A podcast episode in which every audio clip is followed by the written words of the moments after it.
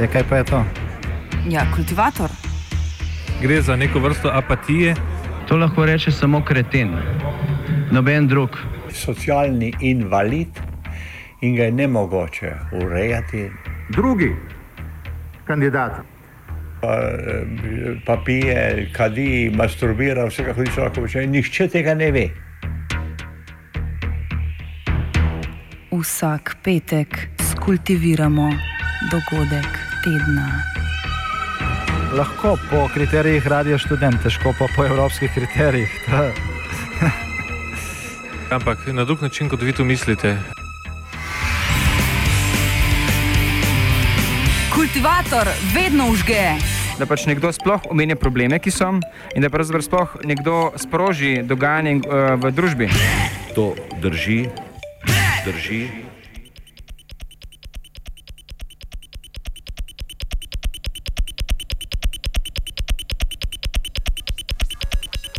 Menjava števke.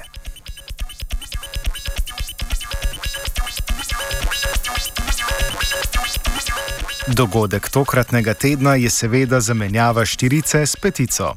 Dotična matematika veliko krat ustvarja občutek ponastavljanja vsega in vseh, podaja vtis fantazme o novem začetku, vendar družbena realnost le temu nasprotuje. Veliko tem razdeljenih v etru Radia Student posledično ostaja brez epiloga na vkljub novoletnim zaobljubam, da ob polnoči res začnemo nov, poljubno določeni časovni interval. Naredimo torej kratek oris zgodb, ki bodo osmišljale nedavno pričeto leto.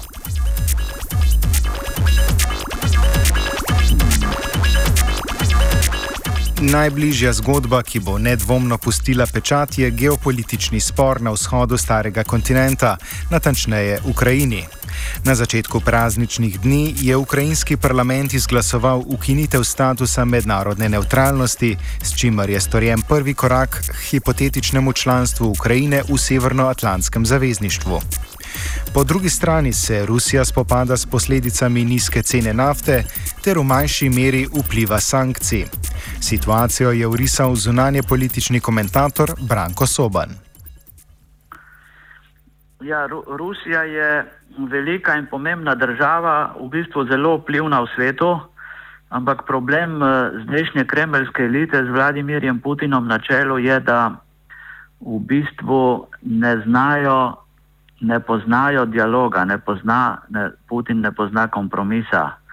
Putin vidi vse v črno-belih tonih uh, in je prav zaradi tega mojster v iskanju sovražnikov. Uh, veliko je iracionalnega v njegovi politiki, predvsem v odnosih z Evropsko unijo in, in Združenimi državami Amerike. Ne? Evropska unija je najpomembnejši gospodarski partner Rusije, vendar uh, s, pot, s potezami okrog Krima in vzhoda Ukrajine v bistvu ne nehno slabša te odnose. Rešitev išče v odnosih s Kitajsko, to je seveda pametna odločitev, ampak problem Rusije je, da energentov, zlasti plina, Kitajski nikoli, nikoli ne bo prodajala po cenah, ki, ki, jih, ki jih za plin dobi v Evropi. Ne, tako da v bistvu je ta tesnejši partnerski odnos s Kitajsko v bistvu dvorezni meč. Rusija, Rusija bo na ta način uh, postala nekakšna surovinska baza za kitajsko gospodarstvo in jo s tem v bistvu avtomatično uh, bo postajala nekakšen drugorazredni partner. Ne, bo Kitajska diktirala tempo. Je, ta, ta naveza Rusija-Ukrajina je za seveda za svetovno gospodarstvo v bistvu zelo pomembna, ampak seveda odvisno je tudi od drugih dogodkov v svetu, zlasti od cen energentov. Ta velik padec nafte, ki se je zgodil konec lanskega leta, je v bistvu močno oslabil rusko gospodarstvo.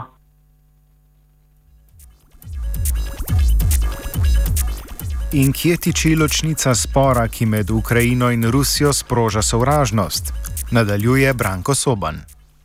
Že Huntington je v svojem konfliktu civilizacij opisoval, da je ta črta da črta, ki nekako ločuje to zahodno civilizacijo in pravoslavno rusko-eurazijsko civilizacijo, poteka ravno čez Ukrajino, po, nekako po polovici te največje evropske države, brez Rusije, seveda.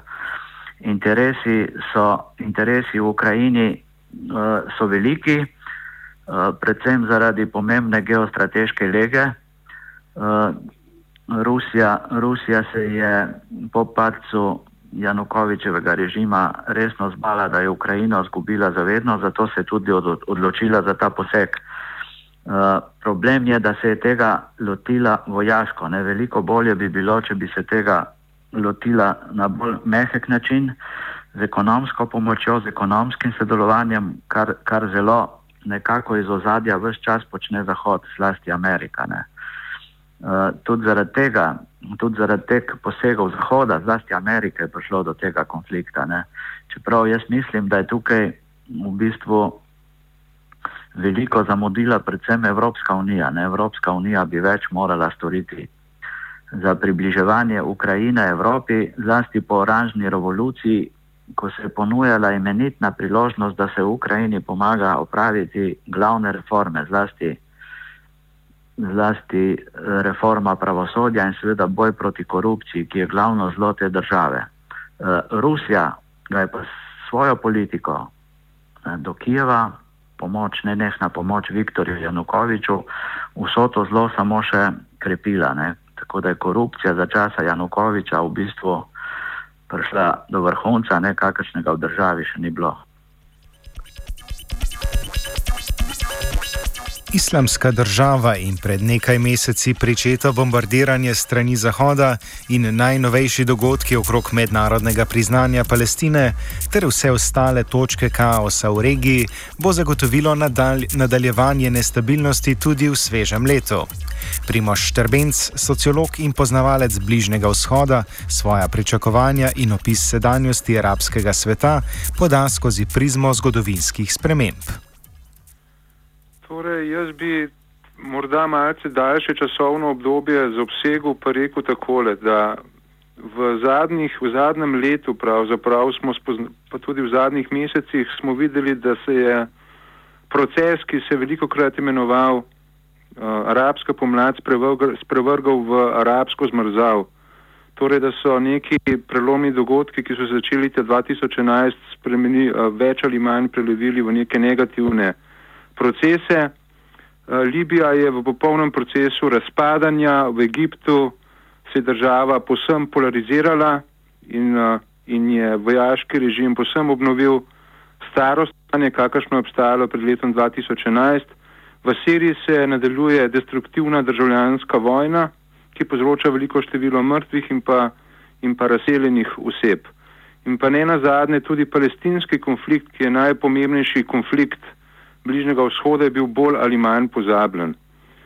Kar zadeva islamsko državo, lahko rečemo, da smo v zadnjem času spoznali, da, bil, da se je Zahodu oziroma predvsem Združenim državam Amerike vrnil največji bumerang, ki je bil vržen marca in aprila 2003, ko je ameriško vodena koalicija napadla Irak.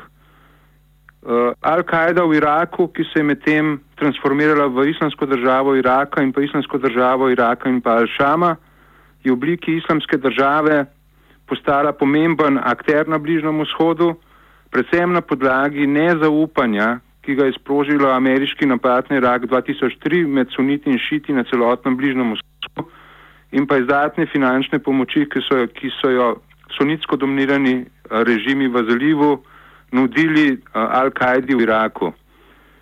Ob tem torej islamska država Iraka se je zelo ukrepila in uh, svojim nadzorom nad eno tretjino ozemlja Sirije in pa ozemlja Iraka ruši nacionalne meje, ki so v veliki meri arbitrarne, zarisali, zarisale so jih kolonialne sile, podlagi česar lahko rečemo, da so pod vprašaj prišle vse pravzaprav meje na Bližnjem vzhodu.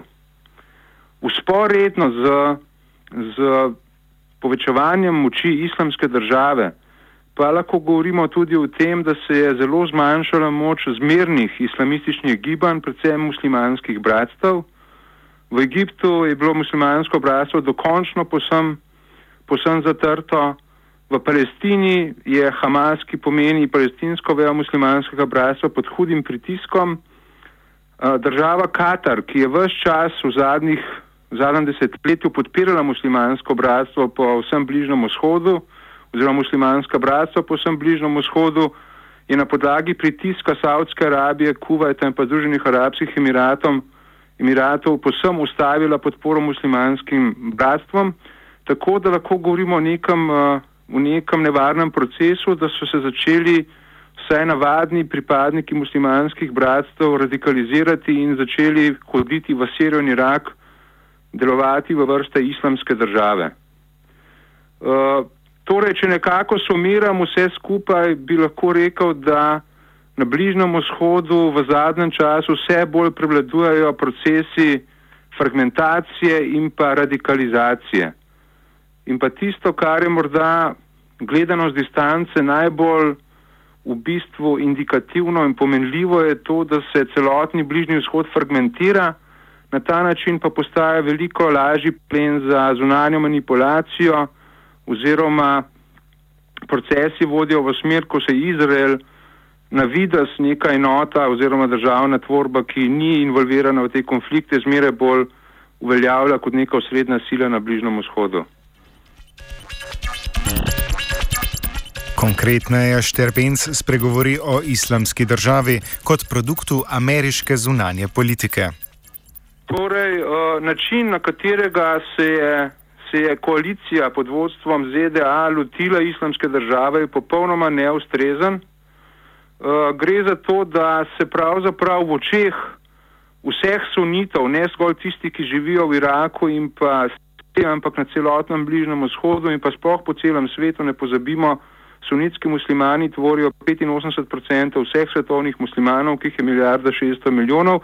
Torej v očeh vseh sunitov se reproducira koalicija, ki je zrušila Sadama Husina kot sunitskega oblastnika v Iraku leta 2003. Medtem ko američani delujejo iz Iraka proti islamski državi, pa na terenu skupaj delujejo šiitsko dominirana iraška vojska, iraške šiitske milice, iranske posebne enote revolucionarne garde in pa oficirji. Pred kratkim so v Irak prišli tudi prvi svetovalci libanonskega Hezbolaha. Poleg tega pa tu v tej koaliciji sodelujejo tudi iraške pešmerge in pa sirski kurdi. Torej gre za v očeh sunitov za reproduciranje zahodno-šiitske kurdske koalicije, ki jo tako ali tako suniti obravnavajo kot sovražnost skozi časovno obdobje, zato ni na ključje, da se je na Bližnjem vzhodu v zadnjih mesecih zelo začel zopet uveljavljati termin križarska vojna. Zahod naj bi namreč vodil novo križarsko vojno proti sunitskemu islamu in zopet s pomočjo torej domačih kolaborantov, kot so šiiti in pa kurdi. Ob temu se pa poskuša po celotnem svetu zaustaviti dotok sunitskih borcev v Irak in Sirijo, kar lahko zgolj razumema ta lonec, ki ga lahko na neki točki raznese. Torej vse skupaj, kakorkoli obrnemo, to vodi k temu, da se sunitske, sunitsko uh, populacija na Bližnjem vzhodu, v Iraku in Siriji se zmeraj bolj konsolidira, homogenizira za islamsko državo in to pomeni samo še krepitev procesa fragmentacije Iraka in pa Sirije. Čeprav je bila knjiga Kapital v 21. stoletju Tomasa Pikettyja izdana že leta 2013, je odmevala tudi v minulem letu.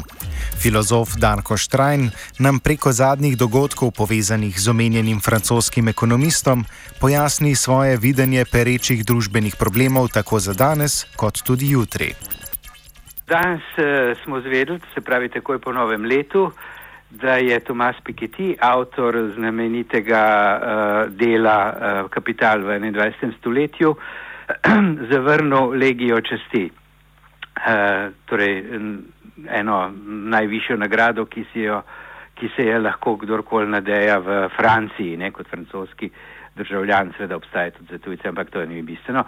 No, uh, Piketty je to zavrnil uh, verjetno zaradi tega, ker je, ker je skratka v več smislih uh, hotel narediti eno določeno gesto. Uh, po eni strani gre za njegov lastni um, neke vrste razcep z uh, Olandovo uh, vlado in z uh, sploh uh, politiko uh, pač sedanje socialistične vlade, ki bi po njegovem lahko uh, prispevala k kakšnemu obratu v trendih in tako naprej. Uh, drugače pa jaz mislim, da je to tudi gesta, ki se naslavlja tudi uh, na, na globalno um, stanje. No in uh, zdaj, če, če, kdo, če ste brali uh, Piketijevo knjigo, je iz tizga, po, po, iz tizga lahko zelo lepo izčitate, da se napoveduje nadaljna rast pogla, nadaljne poglabljanje eh, razlik v neenakosti. Ne. Eh, Sveda ta neenakost ima več obrazov, ne.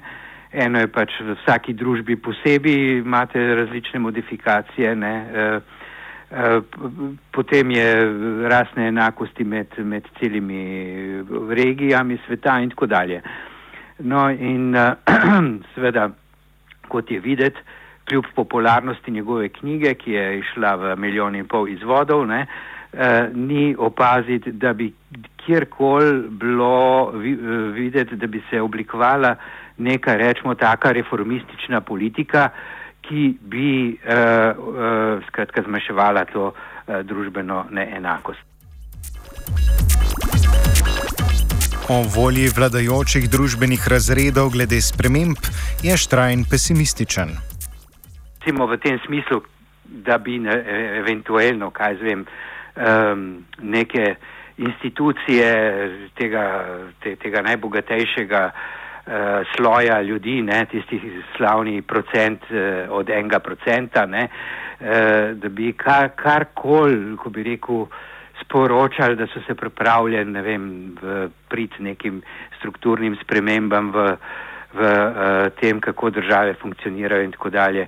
Eh, da bi se probal kaj odreči, ni videti. Ne? To je recimo zelo dober simptom, zlasti naprimer eh, to, kar počne republikanska stranka v, v Ameriki. Ne? Zdaj, seveda, posebno vprašanje je, ne, zakaj voljivci take stranke volijo. No, o tem je pač seveda zelo, zelo velik debate in tako naprej, ampak eh, v glavnem te, te eh, Eh, konzervativne sile, ki, ki pač zmorejo mobilizirati eh, želje voljivcev, ne pa mm, in jih seveda potem ne izpolniti. Uh, skratka, te, te, te vrste politična uh, opcija pač je še zmeri močna in uh, zelo lepo se vidi, ne, da, da uh, ne popuščajo niti za milimeter glede delitve bogatstva. Ne. Tako da zdaj, tako kot Pikettina poveduje, bo dosežena v, verjetno v teh letih uh, uh, tista raven razlik, kakršna je bila opazna leta 1900. Uh, zdaj pa seveda, če bi pa iz te logike izhajali naprej, ne, eh, kaj se bo z globalnim svetom dogajalo, ne, bi pač seveda lahko sklepali, da bomo eh, priča mogoče ne vem, nekemu, neki verigi dogajanj, eh, nepredvidljivih, bolj ali manj, izhajajoč pa seveda iz predvidljivih, ki bi eventualno utegnili pripeljati do kakšnega večjega konflikta, ampak po mojem mnenju še ne takoj drugo leto. V perujski Limi so se v začetku prejšnjega meseca sestali svetovni voditelji in z novimi dogovori glede izpusta toplogrednih plinov poskušali reševati svet.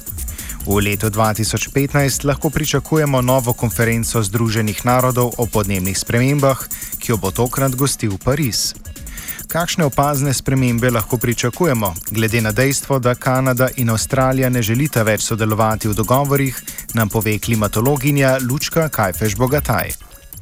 Države, kot so Avstralija, Kanada, že nekaj let, pravzaprav takrat, ko so se jim zamenjale vlade, ne kažejo kakšnih posebnih znakov, da bi začele omejevati uh, emisije toplogrednih plinov.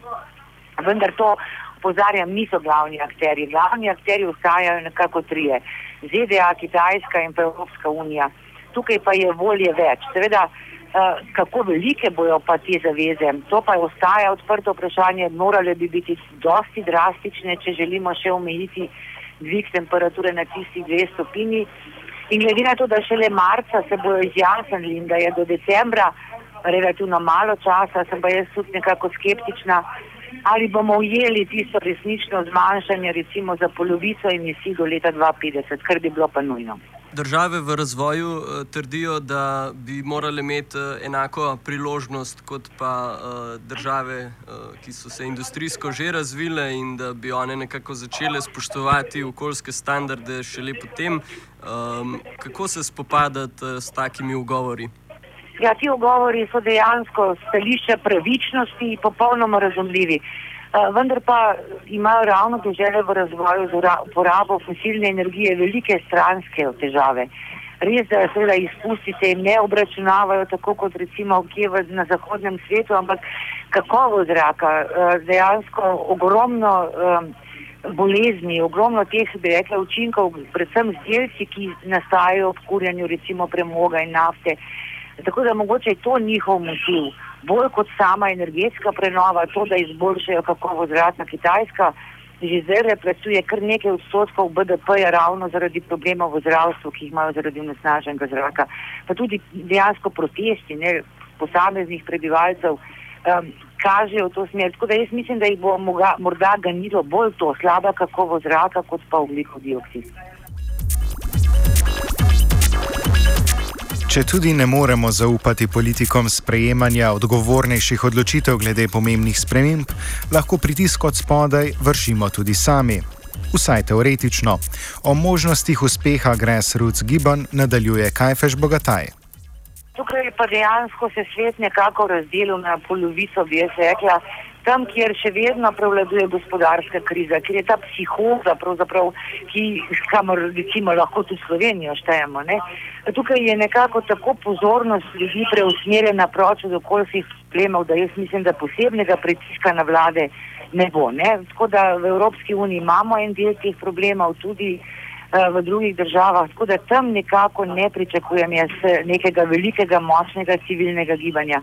Simo v ZDA je že drugače, ne? pa tudi v teh državah ste jih omenjali, Avstralija, Kanada, tukaj je civilna družba močna eh, in bi želela spremembe, ne samo koliko bo politika odprta. Eh, kar se tiče pa seveda vzhodnih držav, ne, recimo držav v razvoju, Kitajska, kot sem že rekla, tam pa je pritisk iz drugih razlogov. Ne, to se pravi ne proti CO2, ampak proti za boljšo kakovost okolja in zraka. Nadaljujemo s problematičnostjo obče ozaveščenosti in kiksov nekaterih učenjakov. Ker dejansko je tukaj letošnje leto spet pokazalo, kako proces ogrevanja teče naprej. Ne, ne samo v Sloveniji, ne, tudi uh, praktično globalno smo imeli najtoplejše leto, tako da ni nobenega dvoma v tem, kaj povzroča ogrevanje. Ne. Samo uh, še vedno ne, pa je ozaveščenost kljub vsemu o fiziki podnebnih sprememb, če kar tako rečem temu, daleč premajhna, to tudi pri nas recimo opažamo. Imamo ljudi z diplomo, recimo naravoslovce, ki, ki zelo, zelo slabo poznajo mehanizme, eh, ki vodijo podnebne spremembe. Ne. To je pa pač nekaj, kar se v šolah nismo učili, nekaj, kar pravzaprav tudi mediji predstavljajo zelo površno ali pa celo tako v stilu rumenega tiska, ne. enkrat se hladi, enkrat se greje, kar vnaša še nekako dodatno zmedo. Ne. Ampak znanstvenega stališča seveda pa tukaj ni nobenih dilem.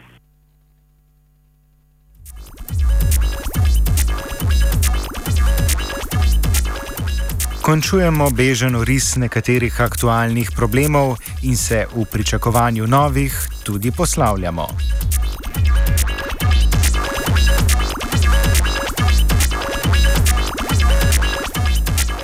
Za naprej je kultiviral Žan.